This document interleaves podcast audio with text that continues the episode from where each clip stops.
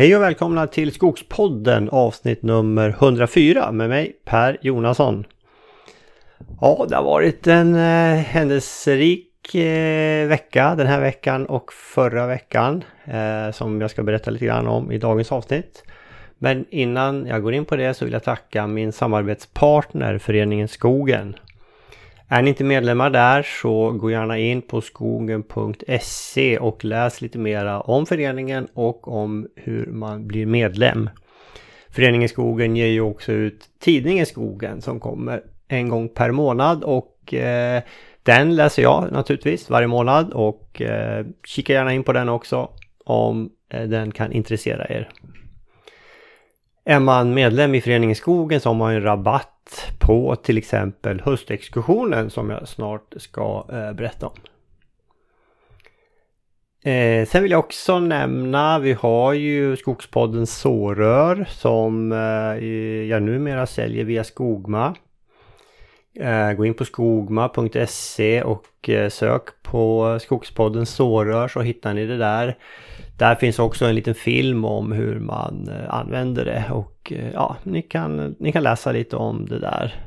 Det är ju den metod som vi använder för att beskoga till allra, allra största delen och vi tycker den fungerar bra. Bra, nu hoppar vi in på avsnittet. Jag nämnde ju här att det har hänt väldigt mycket. Eh, det har det gjort och eh, det som hände förra veckan var ju att föreningen Skogens höstexkursion gick av stapeln onsdag, torsdag 27-28 september. Och på onsdagen där så var vi ju på eh, skogen eh, i, på Gusselborg i Bergslagen. Min fars skog. Den som Bosse då har skött sen, ja i princip sen de köpte Min farfar köpte den där 1958. Bosse blev klar jägmästare 1959. Så han har ju skött den och eh, väldigt eh, intensivt skogsbruk där. Och eh, ja, jag har ju varit de senaste... Sen jag slutade på Ericsson för sju och ett halvt år sedan så har jag varit där väldigt mycket och hjälpt honom då. Så där var vi och ja, det var ju det var fantastiskt roligt tycker jag. Vi hade ju bjudit in eh, forskare också. Vi hade tre stycken forskare. Vi började med att titta lite grann på hur vi beskogar. Eh, det här med eh, att vi jobbar med plantering av eh, gran och sådd av tall. Det här som vi har pratat om ganska ofta i podden. Jag presenterade det och liksom visade, vi hade ett par bestånd då som, som vi stod där. Vi har gjort så här och sen Sen hade vi Ulf Stand Wenström som jag har intervjuat i podden. Han var med och pratade om sådd just. Eh, punkt två eh, som vi gjorde det var att vi gick upp i en blandskog som, eh, som vi tycker är väldigt fin. Den är ungefär 20 år. Och en fin blandning av eh, gran, tall och björk och ja, några ekar finns det där också roligt nog. Där eh, var Emma Holmström och eh, hon pratade om det här med blandskog. Jaha, vad gjorde vi sen? Jo, sen åkte vi en bit igen. Uh, sen gick vi upp i ett uh, lite äldre bestånd. Tror att det är ungefär... Ja, det är un ungefär 60 år, ja. Precis. Det var ju det som var som en uh, resttrasskog då när min farfar köpte Gustavsborg 1958.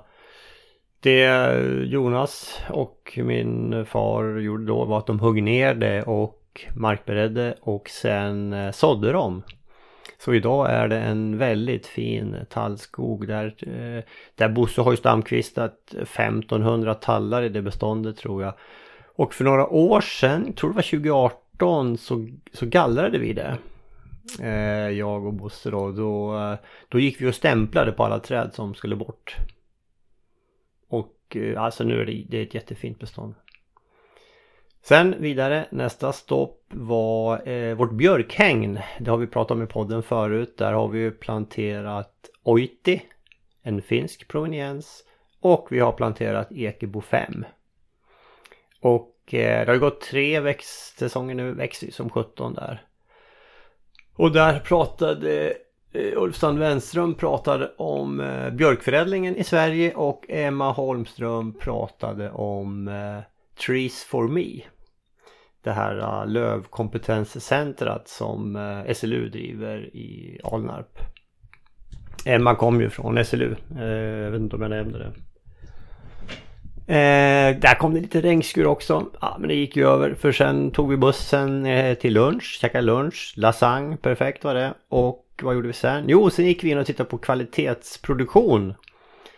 Eh, jag och Bosse höll en liten presentation där. Eh, lite generellt kvalitetsproduktion. Och sen eh, pratade Bosse stamkvistning.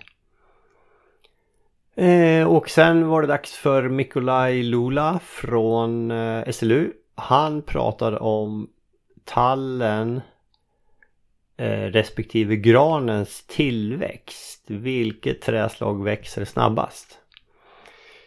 Det är ju en intressant fråga. Det är inte helt lätt att svara på men äh, jag tycker vi kom ett steg närmare sanningen där. Eller ja, sanning och sanning. Men äh, alltså det är helt klart att tallen växer väldigt bra. Äh, ganska högt upp i boniteterna. Om jag förenklar det lite grann väldigt mycket, kanske till och med. Så kan man säga att det Mikolaj presenterade var att alltså upp till ståndortsindex 30 så växer tallen bättre. Är det över 30, ja då, då är granen svårslagen. Så det kan man ju ha som någon sorts tumregel. Men eh, ja, man, man, får ju prova sig fram naturligtvis. Men det var jätteintressant. Och, eh, sen hade vi lite eh, en, en quiz en frågetävling. En Per Zetterlund. Vi gick till eh, Skärmhult heter alltså det är ett litet torp där som ligger liksom eh, inne på Gustavsborg som Per Zetterlund äger en god vän till oss och han hade förberett en tävling med 25 olika, han har ett arboretum där. Han hade gjort i ordning 25 olika kvistar ifrån olika lövträd. Och så delade vi in oss i 8-9 lag. Och så fick de 10-15 minuter på sig att gå runt och titta på de här och skriva ner eh, vilka träd de trodde det var. Det, det, här var ju jättesvårt. Och det här är ju... Jag deltog inte, jag skulle inte haft många rätt. Det lag som kom närmast hade alltså 23 av 25 rätt. Ja, det är ju riktigt bra. Mycket imponerande tycker jag. Och så var det tårta. Eh, vi, alltså det här var ju 120 gången som höstexkursionen gick. Så det firade vi med tårta och kava där i skogen. Mycket uppskattat. Eh, ja men det var väl det vi gjorde ungefär. Och så ja en paneldebatt efter det också. Ja, precis. Ja, nej, men det här var, det var väldigt lyckat. Tycker vi. Jag har hört eh, mycket positiv feedback också från det här. Så eh, nästa år. Och sen var vi på Ja förlåt, jag ska nämna vad vi gjorde dag två också. Då var vi på Gammelkroppa skogsskola. Det är alltså Sveriges minsta högskola. Där pratade vi och diskuterade branschens utbildningsbehov och eh, jämställdhet inom eh, skogssektorn. Ja, bra eh, diskussioner. Tycker jag. Och väldigt bra arrangerat eh, där tycker jag. Vi hade lite politikerdiskussioner också. Har man inte varit med på någon höstexkursion så tycker jag man absolut ska överväga det. Man, det, man träffar mycket folk, får tid att prata med många och eh, man lär sig massor också. Nästa år är SCA värd. Då kommer det vara upp mot eh, Härnösand området. Eh, har jag för mig att det var. Ja, det här kommer ju Föreningen Skogen att anslå i god tid innan så kika på det när det närmar sig. Det här brukar ju vara i september ungefär. Eh, och jag har, jag hade ju med mig inspelningsutrustningen i skogen men ah, i och med att jag höll i det på liksom onsdagen då ja, jag hann liksom inte intervjua någon. Jag hade ju fullt sjå liksom springa runt och bära på högtalaren den här. Och så skulle jag vara först fram och sätta upp grejerna liksom upp med någon sorts scen och se till att alla gick in och stod och sen liksom presentera. Eh, jag hann med det men jag hann inte med någonting annat. Eh, så tyvärr gjorde jag ingen inspelning den dagen. Men jag gjorde två lite kortare inspelningar dag två. Jag tänkte vi skulle lyssna på dem. Eh, först kommer Bengt Danielsson från Moälven. Den intervjun kommer här. nu spelar vi in eh, Bengt eh, Danielsson från Mm, Moälven skog. Eh, Välkommen till Skogspodden. Mm, tack. Vi är på ex- höstexkursionens andra dag. Vad, Mm. vad säger du om gårdagen? Väldigt intressant tycker jag. Och, och eh, prata blandskog och lövskog. Jag brinner lite för det också faktiskt. Ja. Och, och att vi ska ta tillvara på lövet bättre. Ser ni ett ökande intresse eh, bland eh, skogsägare för löv? Ja, det kanske jag inte kan säga riktigt men jag... Eh, alltså det är ju i certifiering och allting så måste vi få in mer löv och det kommer ju att att liksom, eh, ge resultat tror jag på sikt. Ja, just det. Så att, eh, och, men det är ju det här med att eh, kunna såga löv också i framtiden. Alltså vad är hönan och vad är ägget där? Just det. Ja, så att vi får se. Men det är som man pratade om igår att eh, ja, finns det, finns det råvara så, så kommer det finnas efterfrågan. Det kommer här. finnas ja. efterfrågan. Det är någonting jag tog med mig det- också. Ja, Ja. ja. ja, precis. Ja. Du, nu kommer bussarna här Ja. till eh, Gammelkroppa så nu ska vi dra igång kaffet där. Så vi Ja, får bra. vid senare. Ja, det får vi. bra. Bra, tack. tack. Ja, där hörde vi Bengt. Eh, intressant. Eh, och sen har vi en intervju också, nummer två här med Kolbjörn Kindströmer. Den kommer här. Vilka grejer du har. Ja, precis. Det här är min inspelning. Kolbjörn Kindströmer. Vi är på höstexkursionen dag två. Du har precis deltagit i en paneldebatt här. Men om vi backar tillbaka till dagen igår, hur var det? En fantastisk dag. Det var min lyxdag. Att få se er jobba på ert sätt som ni brinner för. Och det, jag tror det är så viktigt att, att varje skogsägare ska få göra det. Och jobba med det man brinner för och ha sitt skogsbruk. Och det är det som sprider ut riskerna. För vi vet inte vad som är rätt. Det är vi överens om att Ja, vi vet inte det. nej. Men det man brinner för och det man tror på, det är ju rätt. Ja. Och sen tittar man ert resultat så har ni produktionsskogar som är enormt vackra och fina. Helt klart. Var Så det att- något som du tycker stack ut igår som du liksom... Eh, Ja, det, det är ju stamkvistningen. Jag, jag vet ju att min morfar talar om stamkvistning och, och vi har inte valt det för vi har inte hunnit med. nej. Men jag säger inte att det är fel. Men just idag kanske man inte betalar för kvalitet. Men om vi lyssnar på vad som händer i Europa när man har hög produktion och allting så, så mycket troligt att vi kommer göra det. Och ni var ju inne på det att vissa var ju ute efter kvalitetsvirke. Ja, Så, så dokumentera det som ni var inne på så Ja. att det finns dokumenterat för, för dina barn en gång i tiden. det. Det tror jag är viktigt för det är de som ska skörda det här. Ja, det tar ju tid. Det tar tid men jag tror att eh, brinner man för någonting så ska man driva det. Ja, Då Ja, får man bra precis. resultat. det är en bra, bra fundering där. Vi hade ju med lite forskare igår också från eh, på SLU och Skogforsk. Mm. Det var en väldigt bra kombination. Och, och eh, just det här med EU-problematiken som med blandskogar och det så, så är vi nog kanske på rätt väg. Nu gäller det bara att få EU att förstå det. Ja. Det, är ett, det, det största hotet för våra svenska skogsbruk är EU tyvärr. Mm. För vi har lättare att hantera det i Sverige och diskutera de här sakerna och ha med oss det som ryggraden. Men Europa har inte det. Nej. Det är ett jätteproblem som jag ser det. Mm. Och där måste vi bli duktiga på att tala om för våra politiker så vi har bättre lobbyister. Mm. Så där har vi en match att gå. Den Ja. är jag orolig för. Ja, ja. Idag är vi på Gammelkroppa skogsskola och vi, nu pratar vi mycket rekryteringsbehov och jämställdhet. Och vad, vad säger du ifrån branschen? Det här med att rekrytera, hur, hur går det? Ja, det är jättesvårt idag. Alltså, jag, jag ser ju att mina bästa chaufförer som, de, de går över till kundsidan. Vilket jag har förståelse för. Ja, Den, en kille som gick över dit, han sa, ringde till mig efteråt. Ja men Kolle, sa han. Jag har betalt när jag åker hemifrån. Jag kan hämta på dagis. Jag kan jobba hemifrån. Allt det här kunde jag inte när jag var hos dig. För att jag vet att jag måste producera. ja, Enkelskiftsmaskinerna har ju kommit in i bilden. Det är jättebra. Men det kräver 8 plus timmar. Och vad blir det då? Jo, det blir 8 plus timmar. Restiderna är inte betalda. mm. Jag kan ta ett exempel till. En röjare åker till arbetsplatsen. Där börjar timräkningen. Mm. Samma kille gör ett annat jobb som planerare. Har betalt hemifrån och Mm. jobbar en dag. Mm. Så det är här man sa rättvisa. Det börjar där för att få jämställda arbetsförhållanden. Sen kommer jämställdheten. Mm. Den är lurig. Vi har föräldraledighet.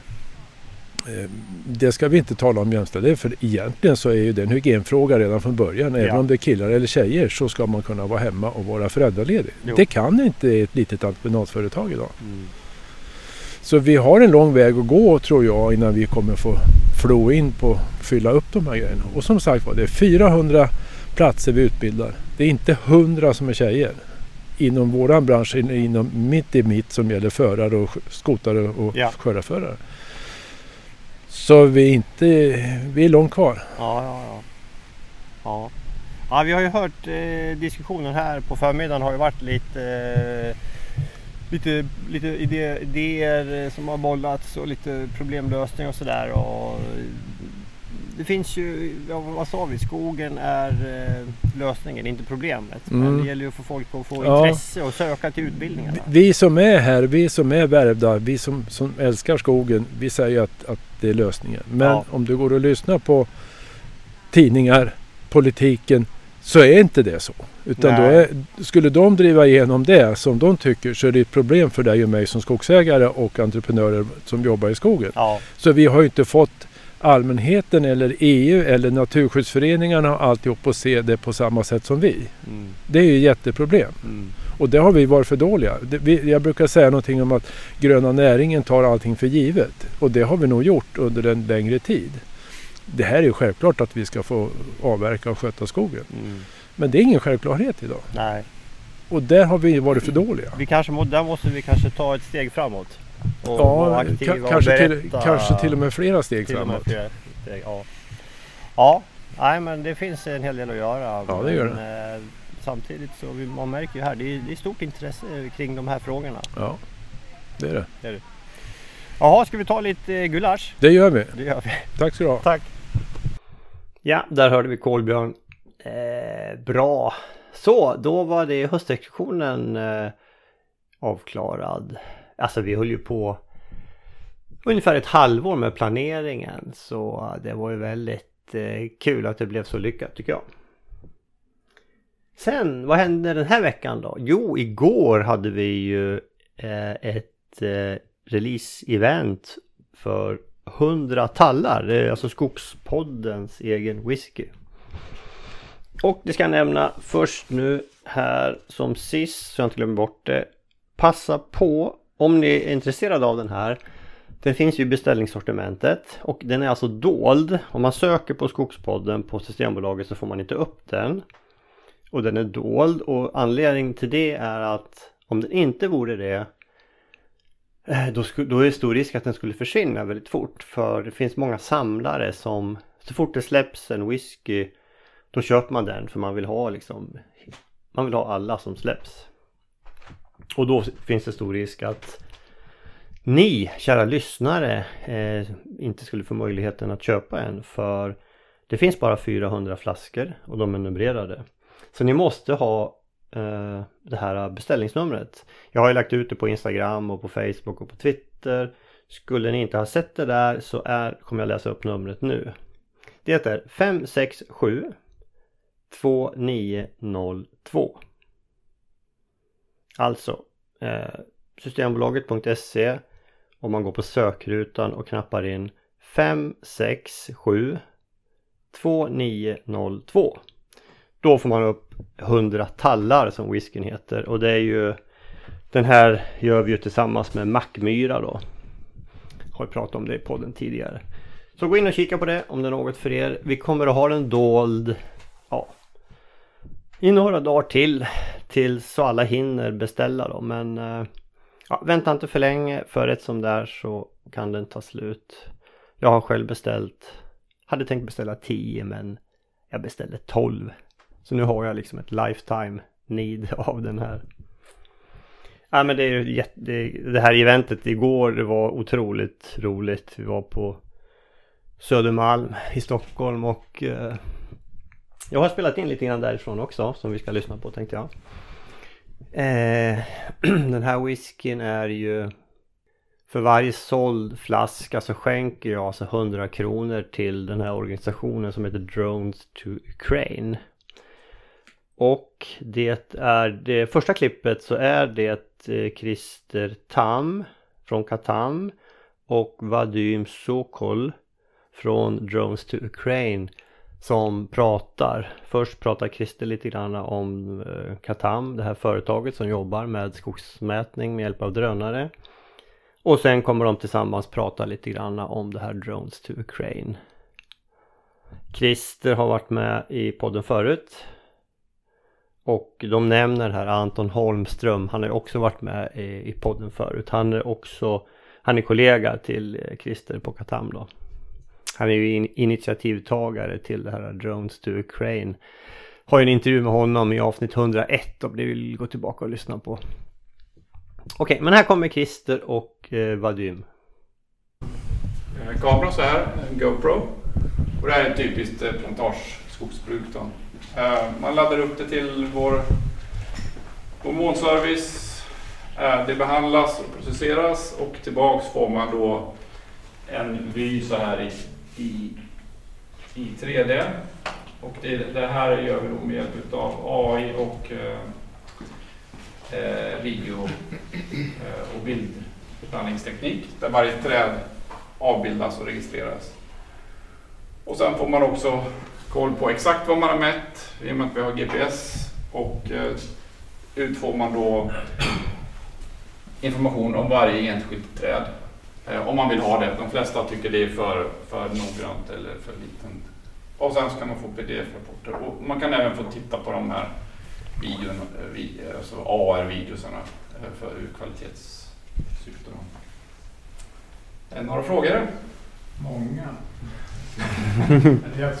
Finns det, måste man ha referensträd då? Eller hur funkar det där liksom med diametern? Hur, hur får ni till det? Eh, ja, det, det, vi får skala och allting i, i de här. Så att eh, du behöver inte några referenstid. Ingenting. Nej, ingenting. En, eh, vi har dels en, eh, en app som du kan ladda ner. Eh, Den kan ni ladda ner. Den är en månads eh, gratis test om man vill göra det.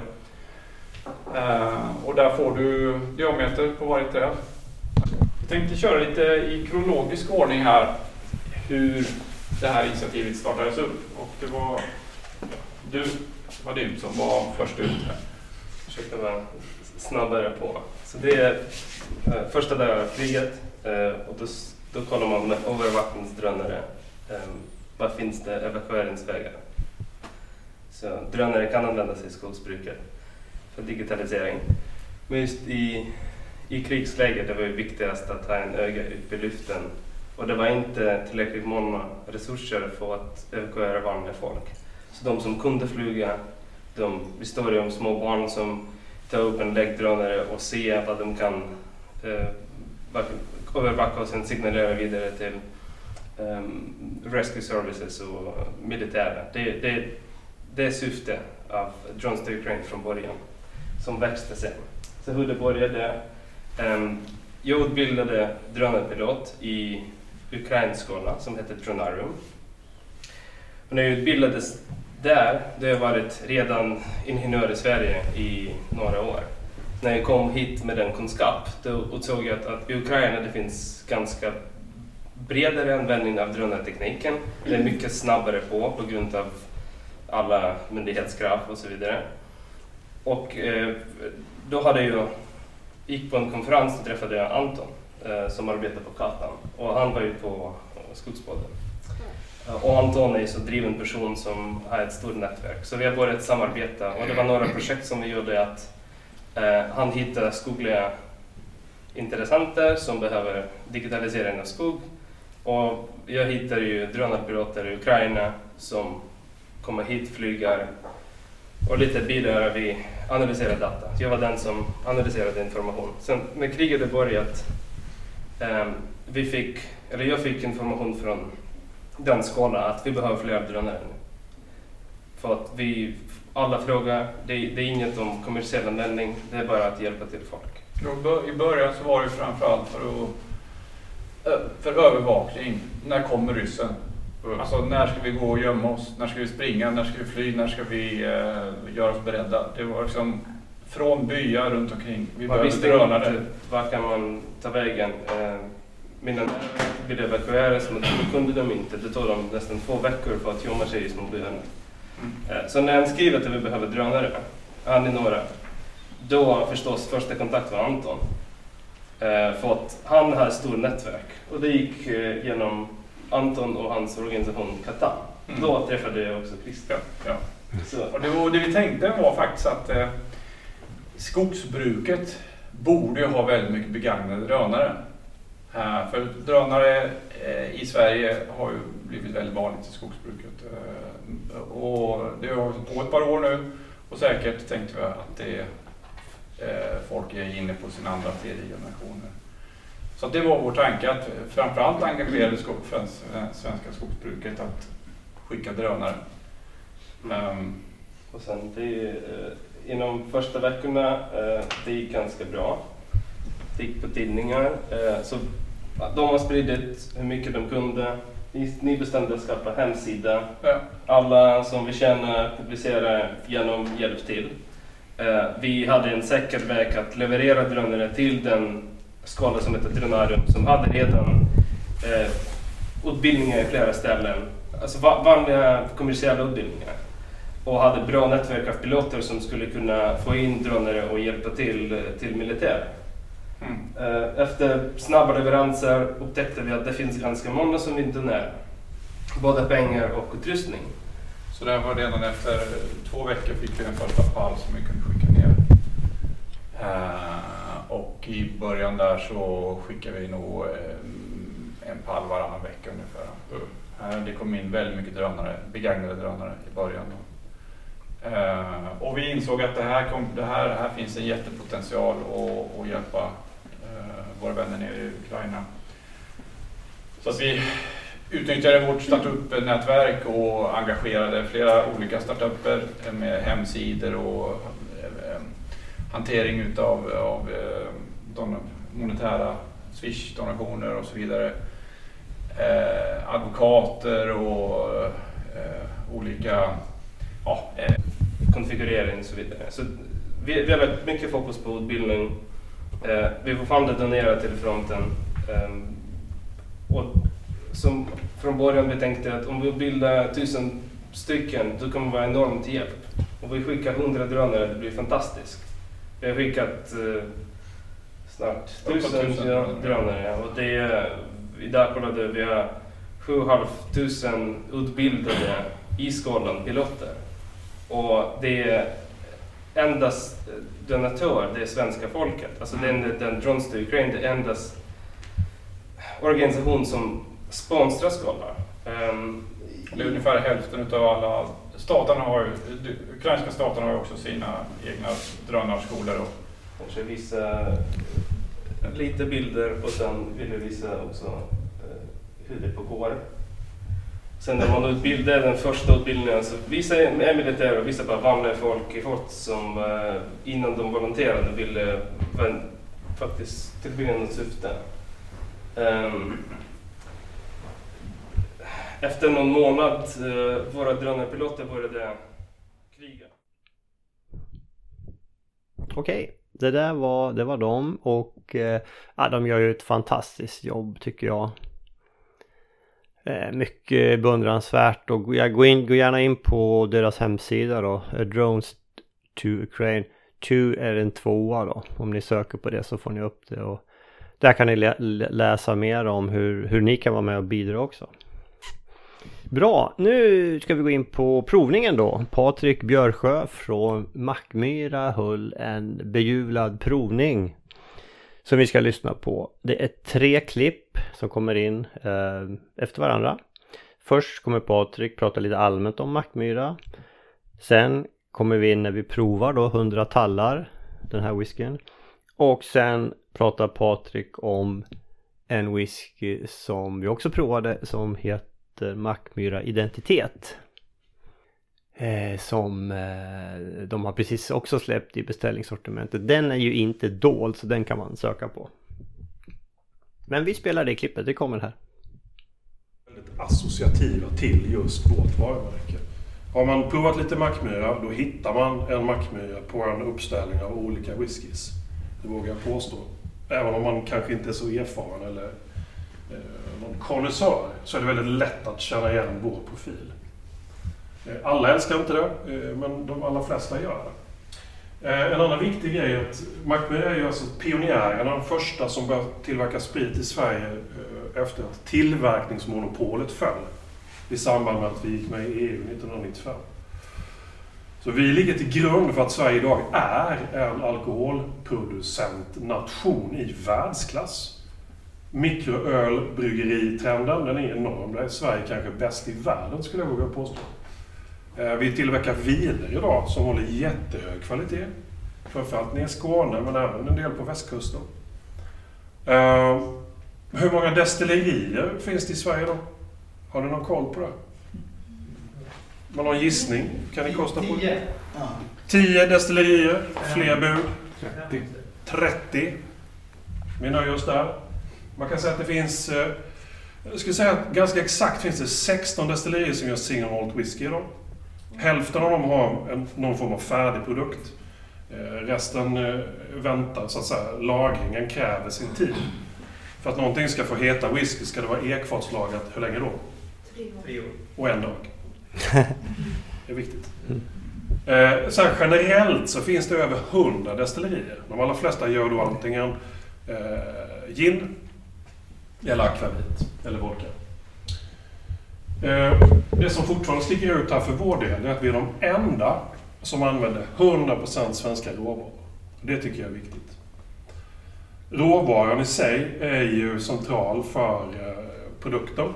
Vad består single malt whisky av? Det är tre ingredienser. Var inte blyga Vatten. Allting består av... Vatten. Precis, det är huvudingredienser. Och sen har vi Gäst. jäst. Och... Kon. Precis. Ko, kon. Så smålänningar är den komplicerad. Korn.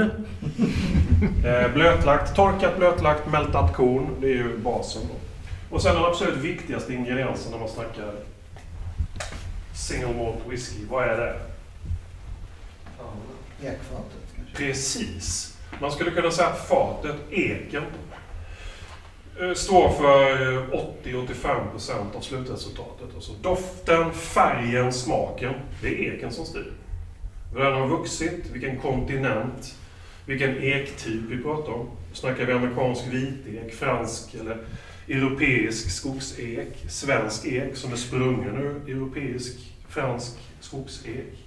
Har ämnena som har blivit stavar till fatet vuxit högt upp i stammen eller, eller, eller nära jorden har en väsentlig betydelse för garvsyran som sen i sin tur påverkar destillatet. Så här finns oerhört mycket att liksom lära sig om laktonerna då som är det som smaksätter spriten. Vi kommer in lite mer på det. En annan viktig grej, förutom de svenska råvaror. 2021 så blev vi utsedda till världens mest hållbara destilleri. Där hörde jag också en liten sån spontan... Nu så. Ehm, Det bygger också på så att säga, en- entreprenörskapet bakom Mackmyra. Vi tycker att det är viktigt. Glas nummer två. Och då säger Per, det är ju... Det är Skogsbodden. Det är ju Hund- hundra Hundra tallar. tallar, ja. Ja, kul. Man hade ju liksom kunnat bygga upp det här och ha 100 tallar som sista whisky. Men det- profilen här det kommer inte göra att det, det funkar en provning. Men nu, luktar fantastiskt. Det ser det. Ja. om vi kikar lite på utseendet här. Hur ser den ut? Jämför med första glaset. Ganska lika. Lite mörkare. Snyggt. Och vad tänker vi då? Varför är det lite mörkare? Nu har ni tjuvläst eh, produktbladen. Det är bourbonfat. Till stor del.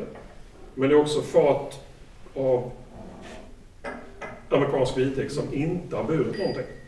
Så det är jungfruliga amerikanska vitexfat. Och så är det amerikanska vitexfat som har burit bourbon. Som Per och Helena fastnade för i någon slags kombination. Och det de- gör att det är lite mer så här, parfymatiskt, Mm. aromatiskt tryck i denna. Och det kommer från de färska eh, ekfaten? Exakt. Mm. Kan vi göra en liten doftövning? Ni som har glasögon kan med fördel eh, fimpa av en liten stund om ni inte har ledsyn. Och så tar ni glaset i högra handen. lilla vänsterhanden på mynningen. Han har lyckats så långt med annan motorik. Ställ er på ett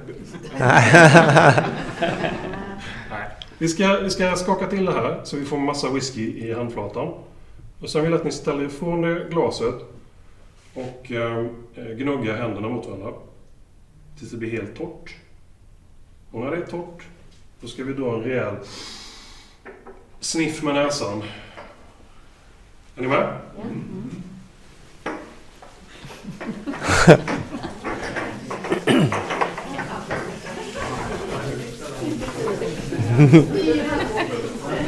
Spännande! Jaha.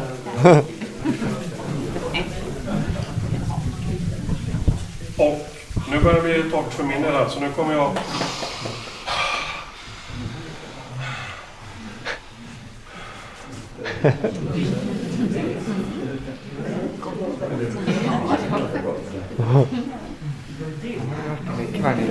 Du är det? Vad, vad händer där?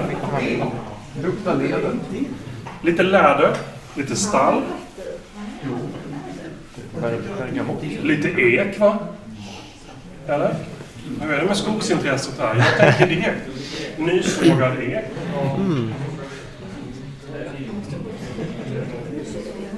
Vad hade, vad hade, vad kände ni? Det ni, eh, det ni gjorde nu, Ja. det var ett bokstavligt talat... Alltså, du blev av med vattnet, det avdunstade.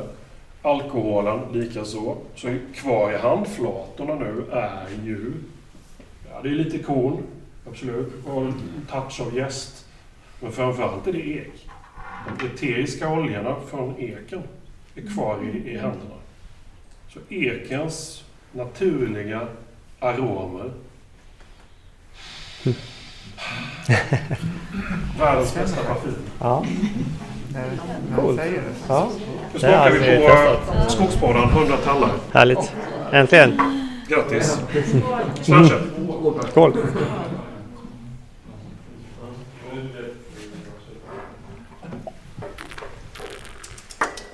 Man kan smacka lite så här. Då och få in syre i gommen.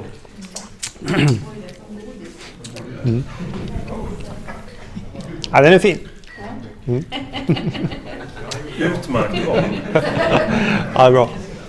Om man jämför med den föregående så tycker jag personligen att här finns massa tropisk frukt och det blir massa finlir.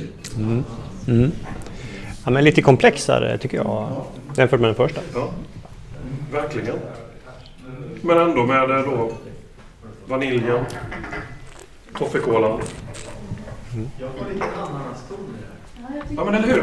Det tro tropiska är lite den jag känner. Absolut.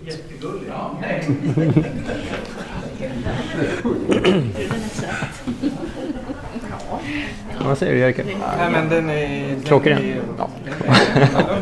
Den smakar skog. Det är riktigt Ja, det är bra. Den är, den är mera... Jag kan nog säga att den är mer fruktig. Man kan göra... Bara för att det är lite kul så kan man ta upp eh, det första glaset igen. Ja men det är ju slut. Ja. Är ni med gänget? Ta första glaset igen och eh, sniffa lite på det. Mm. Och eh, matcha det mot det andra glaset. Lite, lite oljigare på hundratallar. Lite komplexare. Kanske. Ja, den här var... Ja, det var mer råhet Visst är den är Ja. jämförelse alltså. Ja. Nu är ju båda bra med. ja. Bra och bättre. 100 tallar. Magnus. Först med att prova. Vad heter den sa du? Identitet. Så genom att den släpptes igår på beställningssortimentet så har de ju inte kommit ut till kunderna. Jag har beställt. Snyggt. Ja, den där också. Den har du också på dina nummer där också. Ja, men den där kan man söka på. Ja, den kan man söka. Så här, det vi pratar om nu, detta är en, en, eh, en helig sammankomst kan man säga av vår husprofil. Bokstavligt talat så är det här en kombination av svensk ek och svensk rök. Men det har fått en ännu mer större portion svensk ek än själva flaskprodukten Svensk Öl. Och om vi sniffar lite här då känner ni, ja men det här är ju det ökiga receptet. En väldigt trevlig vanilj också. Vanilj och fruktigt. Säg choklad och toffekola någon nu då.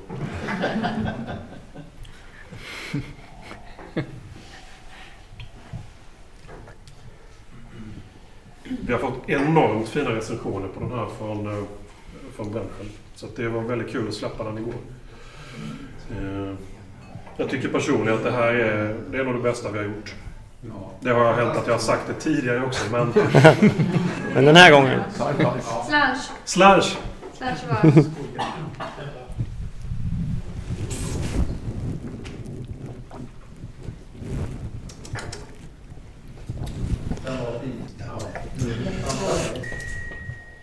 Jag säger bara Li Jonsson, vår bland. Jag säger bara, lägga ner. Facit.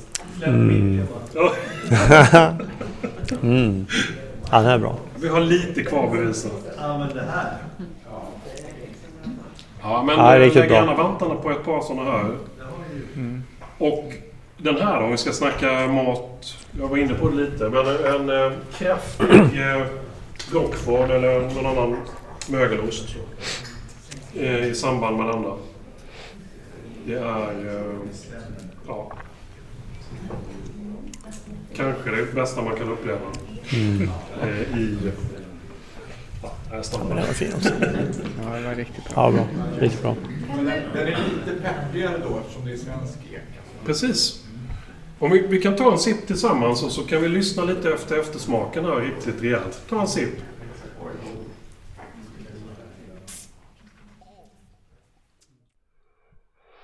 Ja, där hörde vi Patrik. Han är väldigt kunnig och underhållande och eh, vi provade fyra whiskys igår. Ja, det var väldigt trevligt. Mycket uppskattat och eh, ja, jag hoppas många fick upp ögonen för Mackmyras hantverksprodukter. Vad bra! Det var ungefär vad jag tänkte ta den här gången i podden och eh, Ja, alltså sju och ett halvt år sedan jag och Bosse startade podden. Eh, vi har gjort, det här blir 104 avsnittet. Vi har 30 filmer på Youtube ungefär. Vi har ju blivit intervjuade i ett otal tidningar. Senast var jag med i Jakt och Jägare här i septembernumret. Och eh, ja, vi har varit markvärdar för höstsektionen förra veckan. Och den här veckan släpper vi eh, en whisky då. Och då, har- då har jag tänkt så här. Är detta peak Skogspodden? Kan det bli, kan, vad gör vi härnäst? Vad, kan det bli liksom, kan det bli bättre? Jag vet inte. Det kan, det kan ju alltid bli bättre. Men jag känner väl att eh, jag tar en liten paus här helt enkelt. Så får vi se vad, eh, om och när jag kommer tillbaka.